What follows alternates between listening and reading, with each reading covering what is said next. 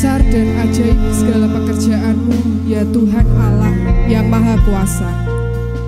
Adil dan benar segala jalanmu, ya Raja segala bangsa. Siapakah yang tidak takut ya Tuhan dan yang tidak memuliakan namamu sebab engkau saja yang kudus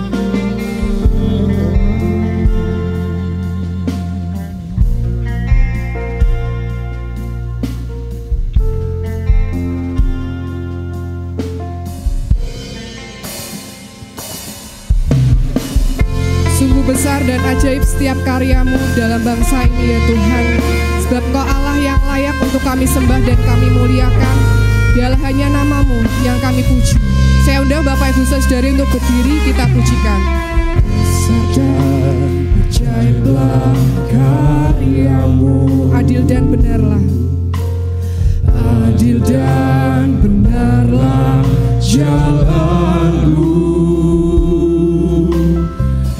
Raja segala bangsa Yang maha kuasa Mulia namamu Besar dan ajaiblah karyamu Tuhan.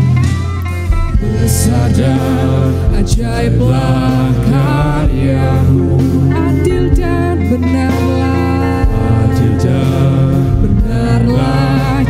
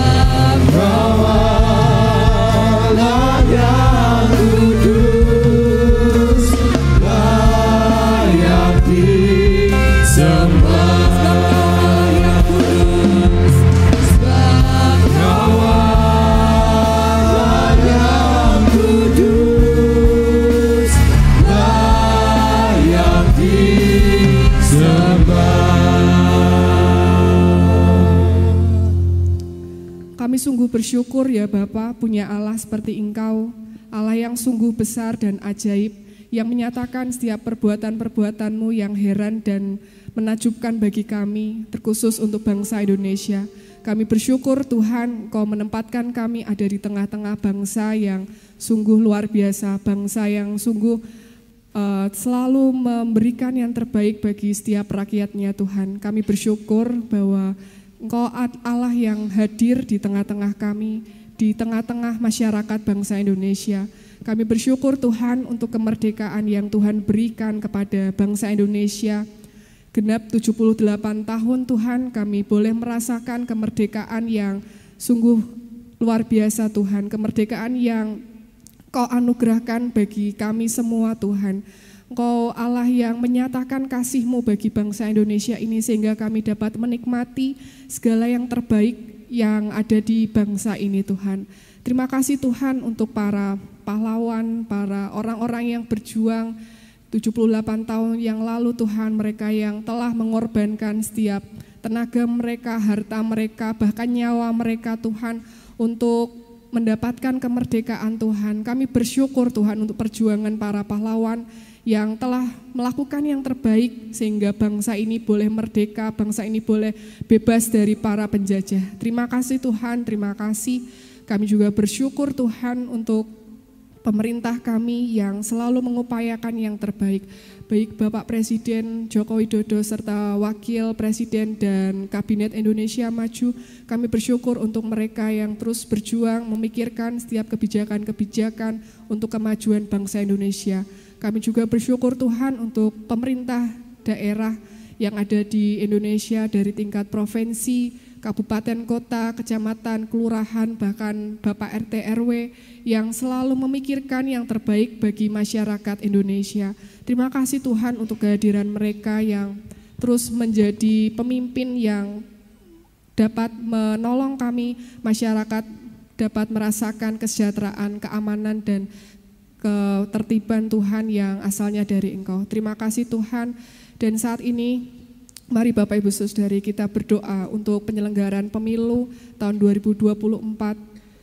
Kita berdoa untuk pesta demokrasi dari legislatif maupun eksekutif pemilihan maupun badan penyelenggara KPU, Bawaslu maupun pengadilan uh, pemilu, Mahkamah Konstitusi. Kita berdoa supaya semua dapat berjalan dengan baik partai politik yang juga akan menyelenggarakan kampanye-kampanye, biarlah Tuhan beri keamanan, ketertiban, semua dapat berjalan dengan damai sejahtera yang daripada Tuhan.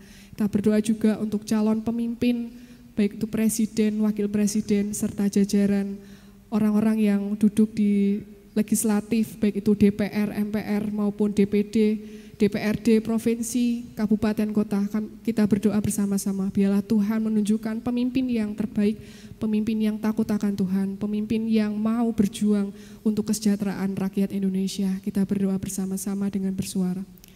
Pada dalam surga, kami berdoa Tuhan untuk penyelenggaraan pemilu tahun 2024.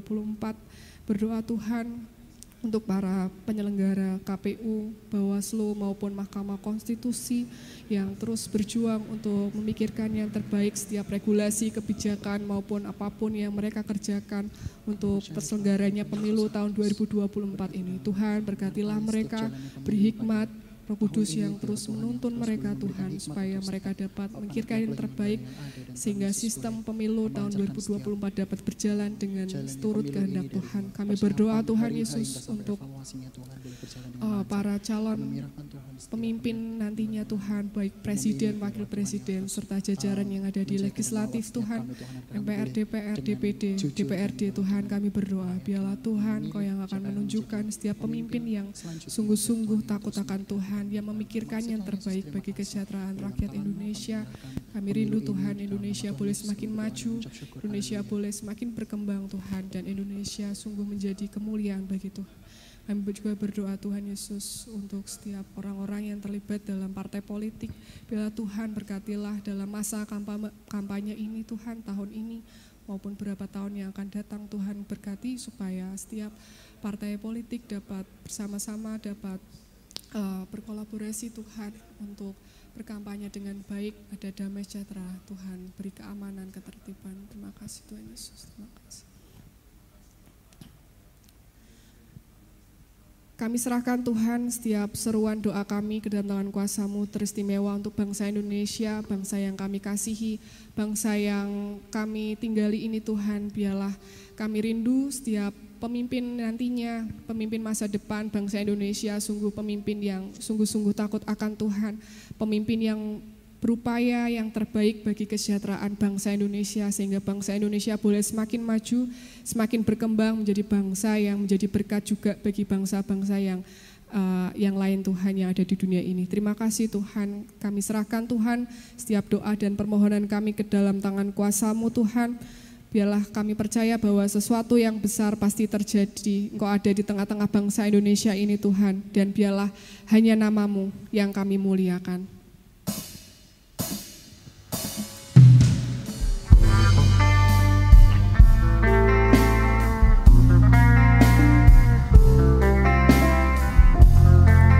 Syukur untuk setiap rencanamu.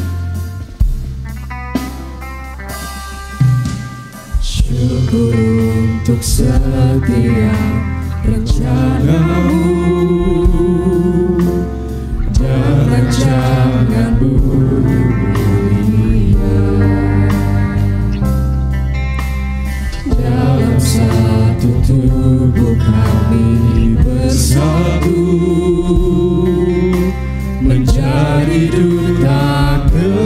자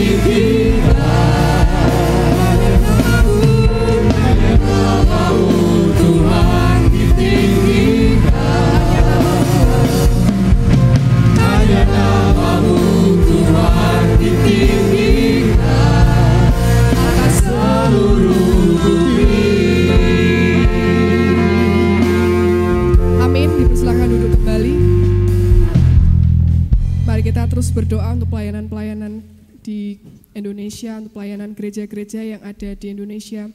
Kita berdoa untuk pelayanan GGBI, untuk Yayasan Rumah Baptis Indonesia, untuk pelayanan PI yang ada di GGBI kita berdoa, kita juga berdoa untuk para misionaris yang Tuhan tempatkan ada di Indonesia, kita mau mendukung pelayanan para misionaris dan kita juga berdoa untuk perintisan gereja-gereja yang ada di Indonesia. Serta kita berdoa juga untuk gembala gembala sidang yang menggembalakan gereja-gereja yang ada di Indonesia. Biarlah setiap gereja-gereja yang ada di Indonesia boleh menjadi berkat bagi Indonesia. Mari kita berdoa bersama-sama secara bersuara. Bapa dalam surga, kita berdoa Tuhan Yesus.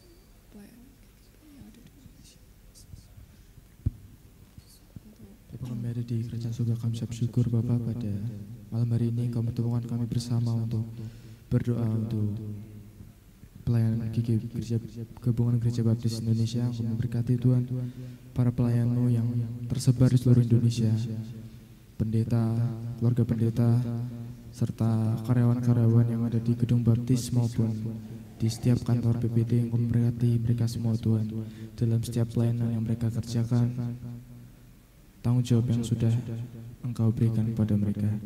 Kiranya Engkau buat pekerjaan mereka apa pun itu Engkau buat berhasil Tuhan. Dan kami juga memberikan setiap apa yang kami dapat lakukan kepadamu Tuhan untuk pelayanan-pelayanan di gereja kami terkhusus di Gereja Baptis Indonesia Sandi Tuhan. Terima kasih Tuhan Yesus. Selamat malam ya Tuhan, pada malam hari ini kami juga ingin berdoa untuk para misionaris-misionaris eh, gereja baptis ya Tuhan yang sedang kau tempatkan di negara kami ini Indonesia. Kiranya engkau bisa memberkati para misionaris-misionaris yang datang ke negara kami ini agar engkau bisa memberkati para misionaris ini agar bisa selalu untuk memberitakan firman-Mu, agar bisa selalu untuk bisa memuliakan namamu dan bisa bermanfaat untukmu ya Tuhan. Dan kami juga berdoa agar eh, para misionaris ditempatkan mulai dari yang berada di kota besar hingga yang berada di daerah terpencil agar kiranya Engkau tetap selalu memberkati mereka dan eh, apa yang mereka ajarkan kepada orang-orang yang mereka ajarkan ini bisa berguna bagi orang-orang dan apa ya yang mereka ajarkan ini bisa memuliakan namamu dan namamu selalu ditinggikan dan diagungkan ya Tuhan. Terima kasih ya Tuhan. Puji syukur kepadamu ya Allah, pada hari ini kami bersatu hati Bapa berdoa bagi setiap perintisan yang ada di Indonesia ini Bapa, kami percaya Engkau Allah yang menyediakan dan mencukupkan segala sesuatunya bagi kami Bapa.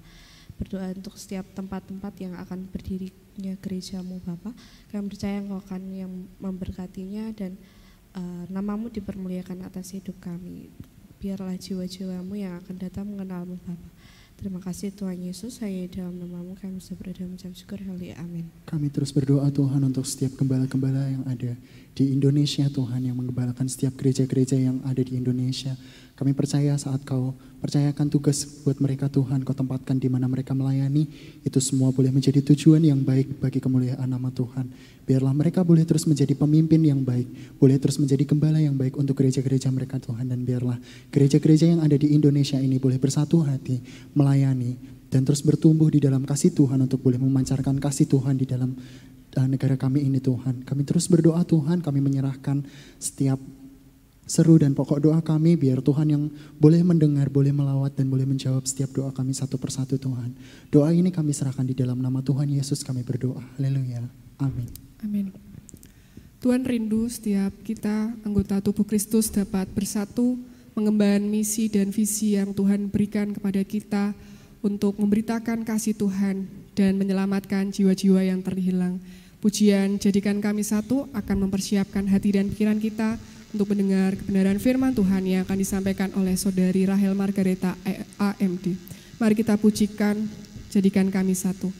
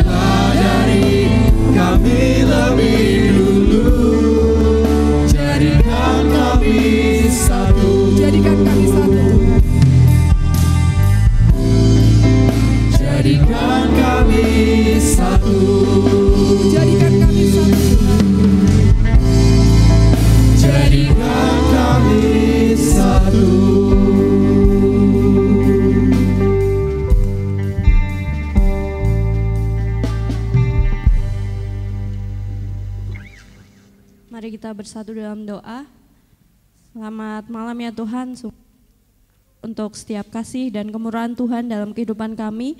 Benar ya Tuhan bahwa sebelum kami mau memberitakan kasih-Mu, mulailah dari kami lebih dahulu ya Tuhan. Mulailah dengan menyatukan hati kami, menyatukan pikiran kami untuk kami boleh bersatu hati untuk satu tujuan untuk eh, memberitakan firman-Mu ini ya Tuhan. Dan biarlah pada malam hari ini kami mau eh, menyampaikan kebenaran firman-Mu, urapi hamba-Mu, urapi setiap eh, anak-anak-Mu yang hadir di tempat ini maupun ibadah online supaya mereka boleh mendengar eh, bagaimana Tuhan berbicara kepada kami. Terima kasih ya Tuhan, kami menyerahkan eh, waktu pemberitaan firman ini dari awal pertengahan hingga akhirnya ke dalam campur kasih kuasamu hanya di dalam nama Tuhan kami Yesus Kristus kami mengucap syukur dan kami sudah berdoa. Amin.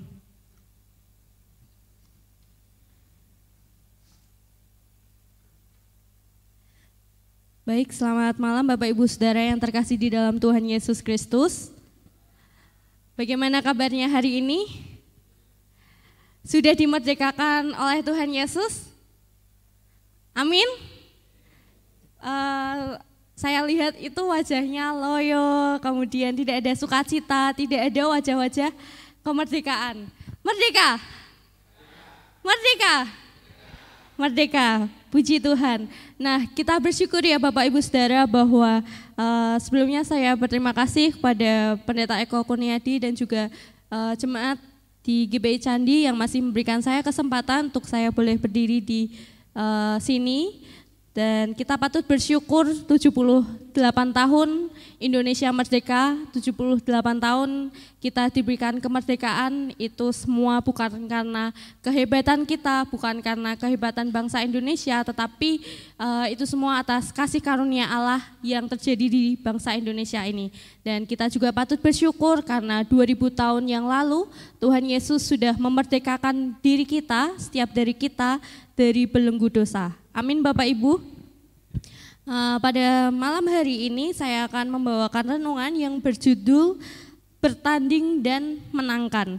Diambil dari 1 Korintus pasal ke-9 ayat 24 sampai 27. Mari kita membuka Alkitab kita, kita baca secara silih berganti uh, kisah para rasul maaf 1 Korintus pasal 9 ayat 24 sampai 27. 1 Saya akan membacakan nomor yang bernomor genap, kemudian Bapak Ibu Saudara yang akan membacakan ayat bernomor ganjil. 1 Korintus pasal 9 ayat 24 sampai 27. Tidak tahukah kamu bahwa dalam gelanggang pertandingan semua peserta harus semua peserta ter, turut berlari, tetapi bahwa hanya satu orang saja yang mendapat hadiah. Karena itu larilah begitu rupa sehingga kamu memperolehnya.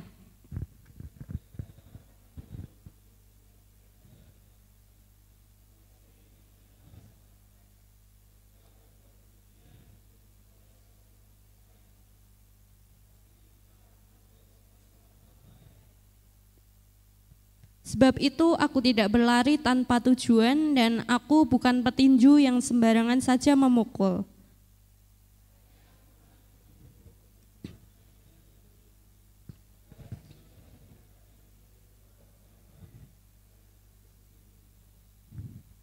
Bapak Ibu Saudara yang terkasih di dalam Tuhan, uh, di perikop ini Rasul Paulus menggambarkan bahwa uh, orang Kristen itu seperti seorang atlet, di mana seorang atlet itu uh, merupakan seorang yang dipersiapkan untuk mengikuti sebuah ajang perlombaan dan mereka uh, dituntut untuk mendapatkan sebuah kemenangan.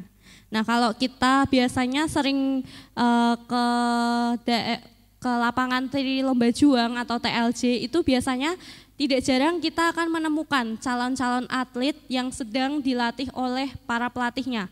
Mereka dilatih dengan sangat keras bagaimana mereka harus berlari, bagaimana mereka harus mencapai uh, garis akhir dengan waktu yang sudah ditentukan. Kemudian kalau misalnya mereka tidak sesuai dengan waktu yang ditentukan, mereka ditegur oleh pelatihnya dan it, me, pelatih apa ya dan atlet itu tidak baper atau dalam artian mereka tidak marah ketika mereka ditegur dengan cara yang keras. Nah, begitu juga kita sebagai orang Kristen.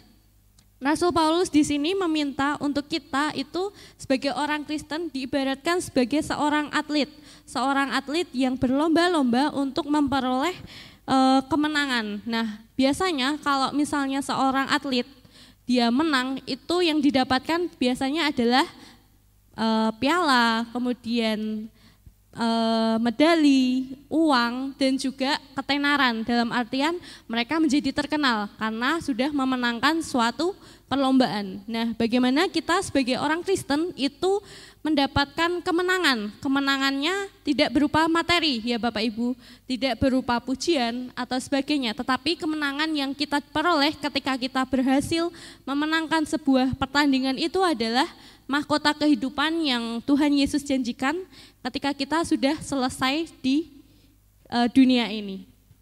Kemudian uh, di ayat 25 sangat jelas dikatakan bahwa masing-masing dari kita itu uh, harus punya uh, ambil bagian. Di poin yang pertama ini saya menyebutkannya adalah kita turut ambil bagian dan kuasai diri dalam segala hal. Ambil bagian di sini bukan hanya kita ambil bagian dalam perlombaan duniawi ya Bapak Ibu, perlombaan ketika kita berhasil mencapai sebuah standar kehidupan. Kita kaya, kita sukses, kita punya jabatan, bukan. Tetapi perlombaan yang dimaksudkan oleh Rasul Paulus di sini adalah perlombaan iman, di mana kita e, merupakan sebuah keharusan untuk ambil bagian dalam pemberitaan Injil. Kalau kita boleh lihat ketika uh, ada orang percaya yang maju ke depan mengakui Tuhan Yesus sebagai Tuhan dan Juru Selamat, kemudian mereka mengikuti kelas orang Kristen baru atau OKB, lalu setelah itu dibaptiskan, apa yang uh, pendeta pengantar Injil katakan? Pastinya setelah mereka dicelupkan kemudian dibangkitkan dari air, uh, pendeta akan mengatakan pergi dan jadilah saksi. Jadi di situ uh, kita harus paham bahwa setiap dari kita punya peran, setiap dari kita harus punya kewajiban untuk memberitakan Injil. Kemudian uh, Rasul Paulus tidak hanya meminta kita untuk ambil bagian juga, tetapi Rasul Paulus juga meminta untuk kita boleh menguasai diri kita. Menguasai diri yang bagaimana? kita harus menguasai baik diri kita sendiri, kemudian menguasai tubuh kita, menguasai pikiran kita. Supaya apa? Supaya ketika memberitakan Injil kita tidak terjadi sebuah penolakan. Nah, di sini e, kalau kita boleh ingat kembali juga di uh, minggu pertama pendeta Eko menjelaskan bahwa ketika kita memberitakan Injil, kita harus punya lebih dahulu reputasi yang baik sebagai seorang Kristen. Kita harus menjadi orang yang mau dimuridkan terlebih dahulu sebelum memuridkan. Dimuridkan di sini dalam artian kita dibentuk terlebih dahulu. Ketika kita dibekali dengan uh, firman Tuhan, kita pada dasarnya tidak boleh baper. Dalam artian, oh khotbahnya menyindir saya, oh khotbahnya itu e, diarahkan ke saya. Kita tidak boleh, karena firman Tuhan itu kan asalnya daripada Tuhan. Ketika kita ditempa oleh firman Tuhan, hendaklah kita bisa menguasai pikiran kita dan juga diri kita, supaya firman Tuhan itu bisa masuk ke dalam hati kita. Nah, kemudian setelah kita menguasai diri kita, kita e, baru bisa untuk uh, lanjut ke step yang berikutnya, yaitu kita mengaplikasikannya. Setelah kita bisa menguasai diri, kita dituntut untuk mengaplikasikannya dalam hal, misalnya kita memulai pemberitaan Injil itu dari apa dulu? Dari Mbak Wanda, kemudian Pak Pendeta Eko, Pak Junet, kalau berkhotbah itu harus dimulai dengan berdoa. Benar, karena berdoa itu adalah sebuah kunci untuk kita bisa sukses dalam pemberitaan Injil. Kalau kita tidak berdoa, mungkin orang itu akan lalu saja dengan pemberitaan Injil yang kita sampaikan. Tetapi ketika kita berdoa, Roh Kudus itu akan menguasai hati dan pikiran kita sehingga apa yang kita sampaikan itu bisa uh, diterima dengan baik oleh orang yang kita injili. Kemudian uh, poin yang kedua adalah punya tujuan dan jangan takut untuk ditolak. Di ayat ke-26 itu dikatakan bahwa sebab itu aku tidak berlari tanpa tujuan dan aku bukan petinju yang sembarangan saja memukul. Jadi kalau di sini, uh, di Korintus itu biasanya dalam tiga tahun sekali mereka mengadakan sebuah ajang perlombaan. Jadi setiap para atlet itu mempersiapkan dirinya untuk uh, dipersiapkan untuk mencapai kemenangan itu biasanya hampir satu tahun. Nah, begitu juga dengan kita. Ketika kita e, memberitakan Injil itu tidak hanya satu minggu, dua minggu dilatihnya, tetapi harus dilatih setiap harinya, setiap kali kita bertemu orang, kita harus melatih diri kita untuk punya yang namanya keberanian memberitakan Injil. Nah, uh, sebelum kita memberitakan Injil, kita juga harus punya yang namanya tujuan. Bapak Ibu Saudara, ketika uh, saya bertemu dengan orang-orang, saya bertanya, saya ditanyai, saya ditanyai, apa tujuan hidupmu? Terkadang saya tidak bisa menjawab. Mengapa? Karena tujuan hidup uh, kita sebagai orang percaya dan tujuan hidup orang di luar sana itu berbeda. Orang lain akan menilai bahwa tujuan hidup kita itu salah ketika tujuan hidup kita itu berfokus pada hal ketuhanan. Dalam artian begini uh, saya punya teman nah temannya itu punya uh, adik. Dan adiknya itu berbeda sangat berbeda dengan kakaknya. Adiknya itu sudah empat tahun kuliah dan dia belum juga lulus lulus karena dia fokus dengan pelayanan, dia fokus dengan kesibukan yang ada di gereja. Kemudian teman saya itu bertanya, Hel, kenapa sih uh, adikku tuh bisa sibuk banget pelayanan ya, sampai tujuan hidupnya itu eh, nggak uh, jelas arahnya, seperti itu. Kemudian saya menjawab, uh, kalau berkaitan dengan pelayanan, itu juga sebuah keharusan. Tetapi kalau berkaitan dengan dunia perkuliahan, itu juga merupakan tanggung jawabnya dari adikmu itu. Kita tidak bisa uh, mencampur adukan antara pelayanan dan juga fokus pendidikan. Mungkin adikmu perlu dikasih tahu, oh ketika ada kewajiban lain yang di, harus diselesaikan selain pelayanan. Kemudian apakah salah ketika kita melayani Tuhan di gereja sepenuh waktu? Misalnya ada banyak anak-anak yang disalahkan sama orang tuanya. Kamu loh ke gereja terus eh, hal-hal apa istilahnya pekerjaan di rumah enggak dikerjain. Kamu loh ke gereja terus nilaimu jadi juruk, uh, jadi buruk. Jangan salahkan pelayanan ketika kita sudah uh, maksudnya anak-anak kita sudah ambil bagian dalam pelayanan itu. Kita harus mendukung pelayanan anak-anak itu. Jangan malah kita menjadi hambatan atau batu sandungan bagi anak-anak kita. Nah, dengan pelayanan itulah kita bisa memberitakan Injil kepada orang-orang di luar sana. Nah, Bapak Ibu Saudara, tujuan hidup yang sesungguhnya bukanlah ketika kita uh, di tahun 30 di umur ke-30 tahun kita sudah punya uang 25 miliar. Tidak. Tetapi tujuan hidup sesungguhnya kalau berdasarkan firman Tuhan adalah bagaimana kita bisa memenangkan jiwa. Nah, kalau kita sebagai orang Kristen punya tujuan, setidaknya uh, kita harus punya target dalam kehidupan kita itu kita harus bisa memenangkan beberapa jiwa dalam satu tahunnya, misal. Jadi kalau misalnya nih gereja kita kalau full itu 300 orang. Kalau 300 orang itu diberikan tugas, diberikan kewajiban untuk setiap orangnya memberitakan satu uh, memberitakan Injil dan membawa satu orang saja ke gereja, gereja ini akan bertambah jiwa dua kali lipatnya. Yang tadinya 300 bertambah menjadi 600 kalau semuanya memberitakan Injil. Mudah? Tidak mudah dilakukan. Karena apa? Setiap orang Kristen, ya semoga ini tidak terjadi di gereja kita ya. Mereka beranggapan bahwa mereka itu cukup menjadi penonton dalam artian uh, mereka cuma bisanya melihat yang ada di depan, kemudian mengkritik, tetapi tidak mau ikut ambil bagian. Nah di sini Rasul Paulus menjelaskan bahwa uh, kita harus ikut ambil bagian dan jangan takut untuk ditolak. Saya belajar penginjilan itu di gereja ini ketika kelas 1 SMP. Waktu itu eh, zamannya pendeta Gins dan juga Pak Greg. Jadi Pak Greg itu mengadakan eh, sebuah apa ya istilahnya? Ya istilahnya seperti kelas PI kalau sekarang ini. Pak Greg eh, bersama timnya itu membentuk kelas dan di setiap hari Senin itu kita kumpul. Nah, sebelum kita ditugaskan untuk pemberitaan Injil, Pak Greg itu e, mengajari dulu cara pemberitaan Injilnya bagaimana, kemudian orangnya yang seperti apa yang harus kita targetkan untuk dimenangkan seperti itu.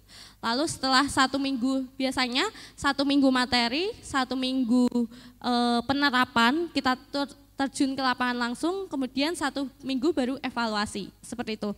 Nah kemudian uh, waktu itu saya, saya sem, kalau tidak salah sempat satu tim dengan Bu Kris dan juga Bu Maria dan juga Pak Greg atau uh, siapa uh, untuk orang lainnya saya lupa lagi karena itu masih satu SMP ya.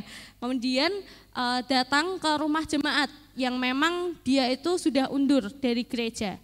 Jadi uh, di situ kita diberikan list nama-nama orang yang wajib kita kunjungi saat uh, pemberitaan itu. Kemudian kita ditempatkan satu rumah jemaat dan ketika kita datang kita ditolak. Ditolaknya kenapa? Oh, uh, saya inisialkan orangnya ini adalah Pak A. Kita datang ke rumah Pak A di daerah Kalilangse, kemudian Pak A ini bilang, e, kita bertemu dengan menantunya. Menantunya itu yang agamanya Islam oh Pak A-nya nggak ada di rumah, tapi uh, dia sedang jaga seperti itu. Kemudian Pak Greg bilang, oh ya nggak apa-apa. Kemudian kita lanjut ke uh, penginjilan yang berikutnya, ke rumah berikutnya. Lalu ketika itu sudah menunjukkan jam setengah sembilan atau jam sembilan, uh, Pak Greg itu sebelum pulang ke gereja ini, kembali ke gereja ini, Pak Greg bilang, ayo balik ke tempat yang pertama tadi. Jadi ke rumah Pak ini. Pak A ini. Kemudian ketika ke rumah Pak A, kita bertemu dengan bapaknya. Kemudian bapaknya itu mengajak ke ruangannya. Jangan sampai kelihatan anak perempuannya, karena anak perempuannya itu sudah e, beragama berlain agama Islam seperti itu.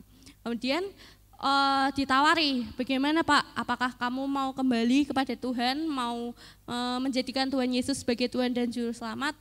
Uh, kemudian ditolak, ditolak. Oh ya sudah nggak apa-apa. Kemudian yang saya salutkan dari pendeta Greg ini ada adalah dia tetap mendoakan. Jadi diajak berdoa apa yang mau didoakan, nggak ada. Oh jadi uh, tapi pendeta Greg tidak kehabisan akal. Jadi pendeta Greg langsung uh, berdoa supaya hatinya dibukakan oleh Roh Kudus untuk bisa memberitakan Injil. Nah, kemudian ketika kita kembali ke gereja, kita diberikan nasihat oleh pendeta Greg bahwa tidak apa-apa kalau misalnya kita itu penginjilan kita ditolak, wajar. Karena Tuhan Yesus saja yang dia adalah Tuhan itu ditolak oleh semua manusia yang ada di bumi di bumi ini. Jadi uh, kesimpulannya mungkin eh, pesan-pesan kita yang kita sampaikan itu ditolak sama orang-orang yang kita kunjungi, yang kita targetkan untuk injili. Tetapi kuasa doa itu tidak akan bisa ditolak oleh siapa pun. Seperti itu. Jadi uh, di situ saya belajar bahwa sekalipun kita sudah memberitakan Injil, ada orang yang mau menerima dengan baik, ada juga yang menolak. Nah, Bapak Ibu Saudara yang terkasih dalam Tuhan, Paulus menggambarkan bahwa kehidupan rohani pun seperti suatu kejuaraan yang ketika kita memenangkan, kita akan mendapatkan mahkota. Nah, bedanya ketika kita memenangkan perlombaan di dunia, uh, di dunia ini, yang kita dapatkan adalah biasanya ketenaran dan juga kekayaan. Tetapi ketika kita mem, uh, memenangkan jiwa, Tuhan akan catat itu. Oh, misalnya uh, si Nur, Nur memenangkan lima jiwa. Nanti ketika kita pulang ke rumah Bapak, kita tidak akan ditanyai berapa kekayaan yang kamu miliki, berapa kekayaan uh, prestasi-prestasi yang kamu miliki. Kamu kuliah apa? Kamu sarjana apa? Tidak, tetapi Tuhan akan menanyakan seberapa banyak jiwa yang kita menangkan. Nah, Tuhan rindu uh, memberkati anak-anaknya di segala bidang. Jangan khawatir ketika, oh passion saya bukan pengabaran Injil. Saya tidak bisa berbicara di depan banyak orang. Saya tidak tahu. Kuncinya hanya berdoa. Dulu saya juga uh, gak paham akan pemberitaan Injil itu apa sih. Tapi ketika saya berdoa, saya diajari sama uh, pendeta Eko dan juga PKMB bahwa ketika kita mau memberitakan Injil itu lewat pohon oikos. Kita harus berdoa, kita minta target sama Tuhan. Ketika Tuhan sudah memberikan target itu, jangan dilepaskan, jangan menyia-nyiakan kesempatan. Kita ajak mereka untuk mengenal Tuhan lebih dalam lagi. Nah, ketika kita memberitakan Injil, jangan khawatir kita hidupnya akan susah. Jangan khawatir hidupnya kita tidak akan uh, sukses karena sukses menurut dunia dan menurut Tuhan itu beda. Seperti Rasul Paulus bahwa dia harus mengalami penderitaan terlebih dahulu. Dia uh, pada masa tuanya dia harus dipenjara, kemudian dia meninggal, dia dipancung. Nah, penderitaan itu bukanlah hal yang dianggap sebuah penderitaan bagi Rasul Paulus, tetapi itu merupakan sebuah keuntungan bagi Rasul Paulus karena dia menderita untuk Kristus, bukan untuk dirinya sendiri. Menurut ukuran dunia, ia ia bukanlah orang yang sukses. Jadi Rasul Paulus itu bukanlah orang yang sukses, tetapi menjelang akhir hidup, Paulus dengan rasa bangga berkata, "Aku telah mengakhiri pertandingan yang baik, aku telah mencapai garis akhir dan aku telah memelihara iman. Jadi Bapak Ibu Saudara, pada malam hari ini kita semua memiliki panggilan yang sama.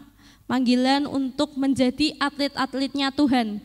Panggilan untuk menjadi pelomba-pelomba yang siap untuk meraih kemenangan.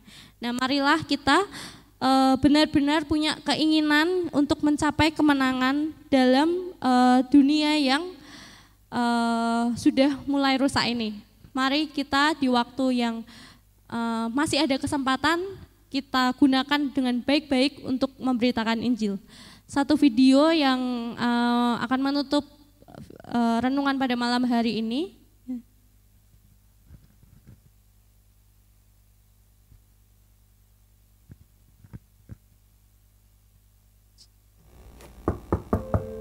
Jadi perempuan ini eh, bertanya, bagaimana aku bisa memberitakan eh, tentang Tuhan Yesus kepada suaminya. Ketika suaminya masuk, eh, Alkitab itu disembunyikan. Kemudian ketika suaminya sarapan, Alkitab itu disembunyikan juga. Lalu dia menulis bagaimana yang terjadi.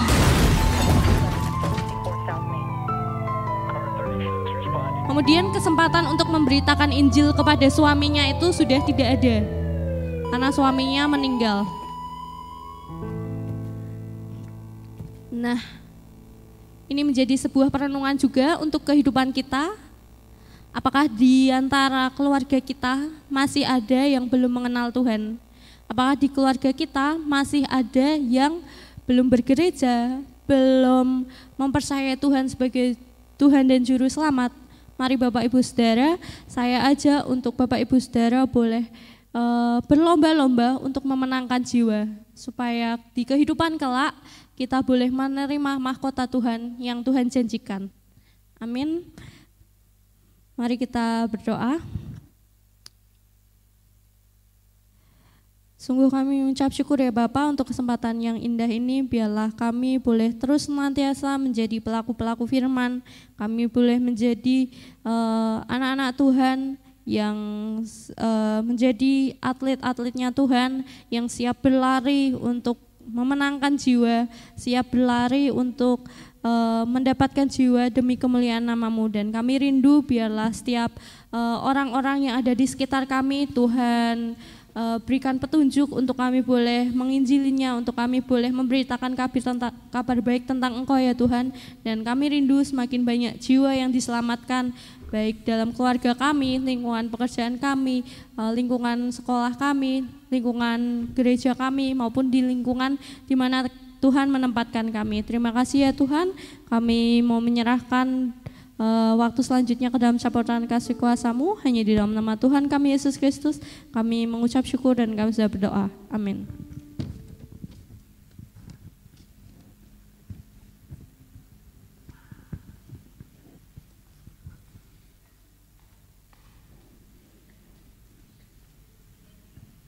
Puji Tuhan, terima kasih Saudari Rahel Margareta untuk firman Tuhan yang mengingatkan kita, kita menggunakan kesempatan yang Tuhan beri untuk memberitakan kabar keselamatan.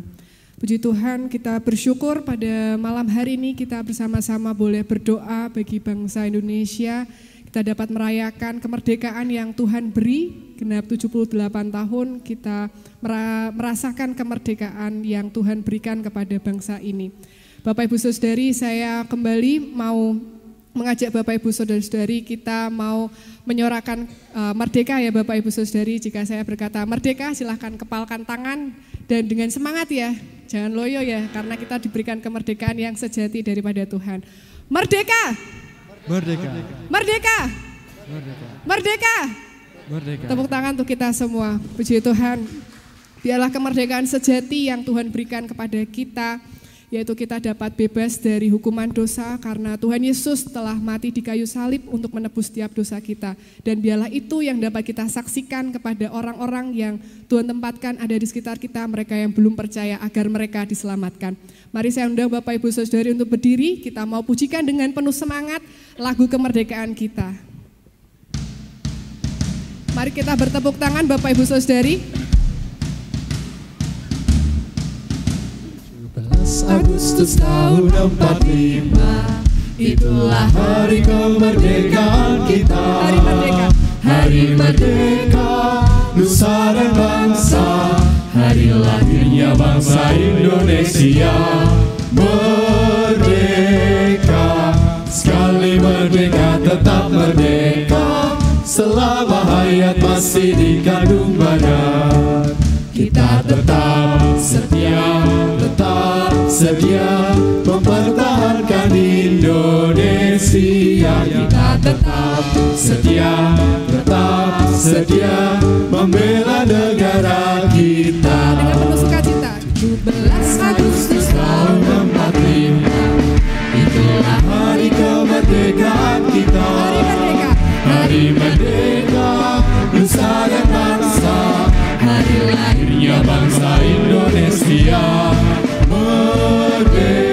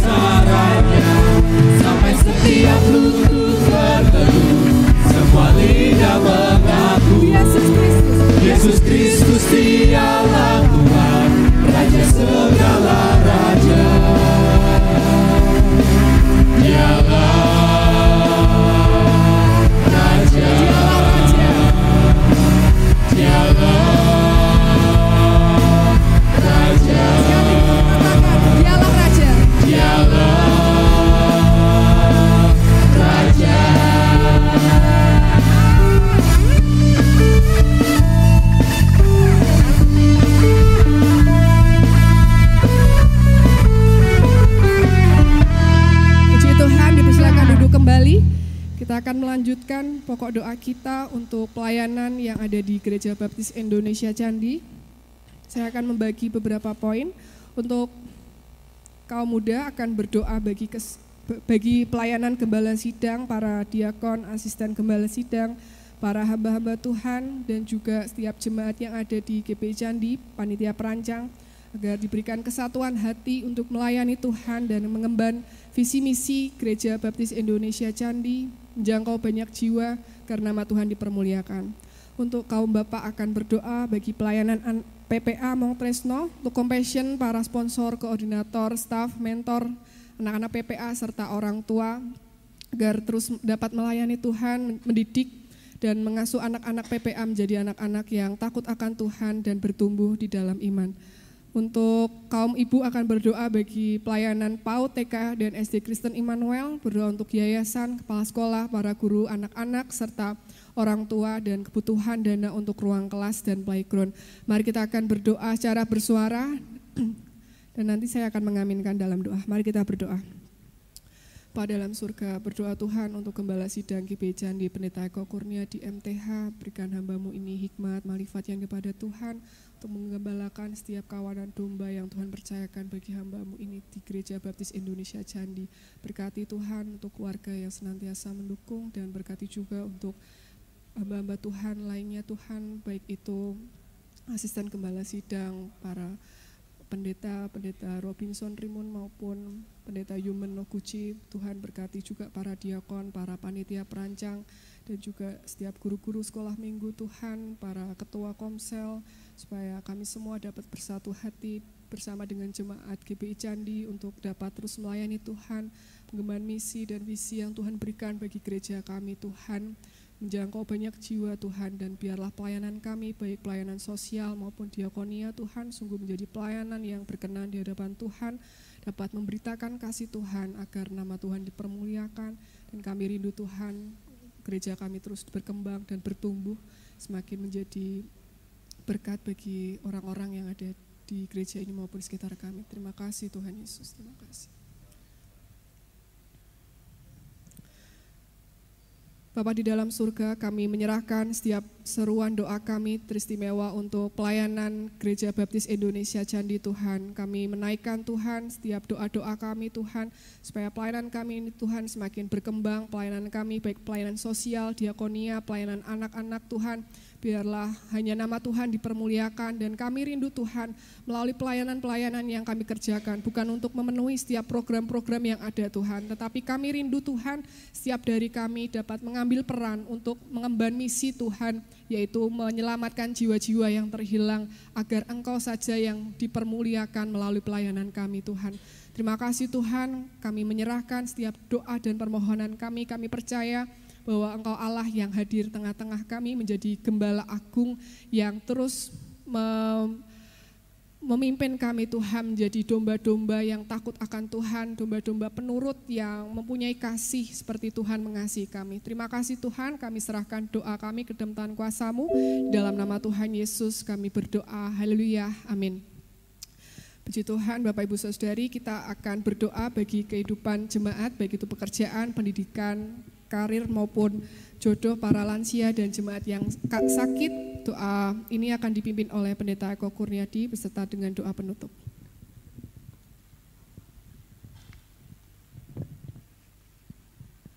Mari kita akan berdiri, kita akan berdoa. Bapa di dalam surga kami sungguh bersyukur karena Engkau adalah Allah yang nyata bagi kami dan biarlah Allah yang pekerjaan karyamu dan setiap kasih dan kemurahanmu itu dirasakan setiap orang-orang yang percaya kepada Tuhan, terutama jemaatmu di gereja ini dari yang kecil sampai yang uh, tertua sekalipun supaya setiap hal yang Tuhan ingin kerjakan itu uh, sungguh dirasakan oleh setiap anak-anakmu. Biarlah mereka, kami semua jemaatmu terus mencari wajah Tuhan dengan segenap hati kami bisa meninggalkan setiap hal yang jahat, perilaku yang jahat, semua alasan yang mencegah kami semakin dekat dengan Tuhan, dan kami bisa berpengalaman dengan Tuhan lebih intim, lebih dalam, dan kami sungguh bisa menikmati segala yang uh, Tuhan beri kepada kami, agar kami juga bisa menjadi berkat bagi orang-orang yang Tuhan tempatkan di sekitar kami, uh, dan kami juga bisa menjadi berkat bagi terutama mereka yang belum kenal Tuhan, karena Allah yang kami sembah memberkati kehidupan kami, Allah yang kami sembah adalah Allah yang bisa dipercaya untuk setiap persoalan dan problematika kehidupan kami, jemaatmu, dari yang kecil sampai yang tertua sekalipun. Dan biarlah itu menjadi uh, sukacita karena Tuhan memberkati segala macam yang ada dalam setiap kebutuhan jemaatmu, dalam pekerjaan, dalam kehidupan sehari-hari, dalam relasi, dalam rumah tangga mereka, dalam pergumulan, kesulitan, persoalan, tantangan, uh, masalah-masalah yang dihadapi, permusuhan, perselisihan, hutang piutang, Tuhan berkatilah supaya semua ada jalan keluar, mereka bisa melihat kehendak Tuhan dan berjalan dengan disiplin dalam jalan Tuhan dan supaya uh, anak-anak dalam keluarga keluarga kami menjadi anak-anak yang taat, anak-anak yang mengasihi keluarganya, mengasihi Tuhan. Mereka sungguh dapat bertanggung jawab untuk kehidupannya supaya anak-anak kami sungguh bertumbuh di tengah-tengah dunia dengan pengaruh yang begitu besar dan jahat ini sehingga anak-anak kami dengan belajar, dengan studi mereka, mereka diberkati oleh Tuhan, mereka dipersiapkan dalam kehidupan mereka, memasuki kehidupan dan uh, dalam kenyataan mereka untuk bekerja, untuk mandiri, untuk bisa uh, tumbuh menjadi pribadi-pribadi yang kuat, yang bisa menghadapi tantangan zaman. Dan kami berdoa supaya Tuhan akan berkati keluarga-keluarga kami untuk mencukupkan segala keperluan studi bagi anak-anak sehingga mereka sampai menjadi anak-anak yang mandiri akan uh, takut akan Tuhan, uh, mengasihi Tuhan dan menjadi kebanggaan bagi keluarga. Dan Tuhan akan berkati setiap pemuda kami yang mencari pekerjaan. Tuhan beri pekerjaan yang sesuai dengan kehendak Tuhan, pekerjaan-pekerjaan yang bisa mereka pakai untuk melayani Tuhan, pekerjaan-pekerjaan yang uh, sungguh dapat memuliakan Tuhan, uh, pekerjaan yang tidak akan menjauhkan mereka dari Tuhan dan kami mohon kepada Tuhan berkatilah pemuda-pemuda kami untuk mendapatkan pekerjaan seperti yang Tuhan kehendaki. Pakailah juga uh, pemuda-pemuda kami dalam kehidupan dan pelayanannya mereka bertambah-tambah dalam kedewasaan secara rohani. Tuhan akan memberkati mereka dengan uh, teman seiman yang uh, jodoh yang Tuhan beri dan sediakan bagi mereka supaya mereka dapat menjalani persahabatan, pertemanan dengan baik dan juga kelak akan membentuk keluarga-keluarga yang takut akan Tuhan, keluarga yang mengasihi Tuhan, keluarga yang dapat memenuhi uh, bumi ini dengan anak-anak yang beriman kepada Tuhan, dengan keturunan yang Tuhan berkati dalam kehidupan mereka untuk dimuridkan dalam jalan Tuhan. Kami berdoa untuk para lansia kami diberkati oleh Tuhan, para orang tua dalam mendidik anak, para lansia kami yang menikmati masa tua mereka diberkati oleh Tuhan supaya mereka tidak kekurangan berkat karena mereka sudah menjadi berkat bagi generasi uh, uh, di bawah mereka supaya anak-anak mereka dapat ikut bertanggung jawab untuk mengasihi uh, nenek moyangnya, mengasihi uh, para tua-tua lansia di gereja kami, di dalam keluarga mereka, supaya para lansia di gereja kami dikelilingi oleh anak-anak, menantu, cucu-cucu, cicit, keluarga yang mengasihi mereka dengan sungguh-sungguh. Dan kami mohon kepadamu Tuhan berkatilah, supaya sekalipun lanjut usia mereka tetap dapat mengiring Tuhan dengan kekuatan mereka, mereka dapat mengasihi Tuhan dan tetap berbuah uh, di tengah-tengah uh, kesulitan dan tantangan hidup mereka, tetapi biarlah mereka diberkati dengan kesehatan yang daripada Tuhan dan sukacita. Kami berdoa untuk uh, saudara-saudara kami yang sedang sakit, Tuhan berkati Pak Tri uh, bersyukur karena Tuhan memberkati uh, beliau dengan kesehatan dan sudah beraktivitas seperti biasa dan melayani Tuhan bersama berdoa bersama dengan kami. Kami berdoa untuk Bu Widodo, Tuhan akan berkati. Kalau sekarang dirawat di rumah, Tuhan akan memberkati dengan kesembuhan dan pulihkan kesehatannya. Juga untuk Bu Tri Utami, uh, Pak Parjan, Ibu Lani Esther, Ibu Sulase, Ibu Kuntarso, Ibu David, Ibu Rusmin Tuhan berkatilah saudara-saudara kami ini supaya mereka dijamah, ditolong oleh tangan kasih Tuhan yang penuh dengan mujizat. Dan kami berdoa untuk saudara-saudara kami yang sedang mengandung, ada Ibu eh, Juliana eh, Jumain dan juga eh, Mbak Cici berkati mereka supaya sampai di proses persalinan dalam waktu dekat atau bulan depan Tuhan akan memberkati dalam keadaan sehat, pertumbuhan Eh, bayi dalam kandungannya sehat sampai mereka lahir dan menjadi sukacita dan bahagia yang Tuhan beri dalam tengah-tengah keluarga mereka. Dan terima kasih untuk semua berkat-berkat dan pertolongan Tuhan yang Tuhan beri kepada kami untuk setiap jawaban doa dalam pergumulan-pergumulan kami. Engkau Allah yang memberkati kehidupan kami. Terima kasih Tuhan, terima kasih. Dan biarlah saat kami pulang damai sejahtera Tuhan atas kami menaungi dan memberkati kami di dalam nama Tuhan Yesus Kristus kami berdoa. Amin.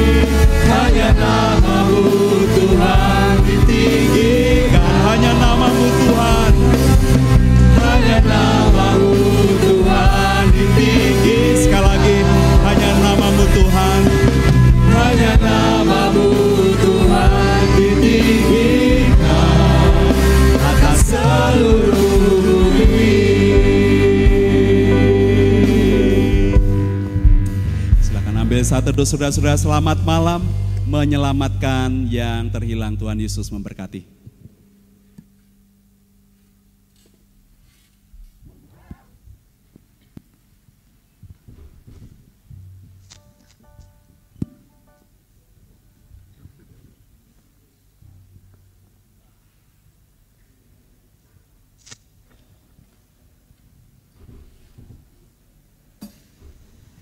Selamat malam, Tuhan Yesus memberkati.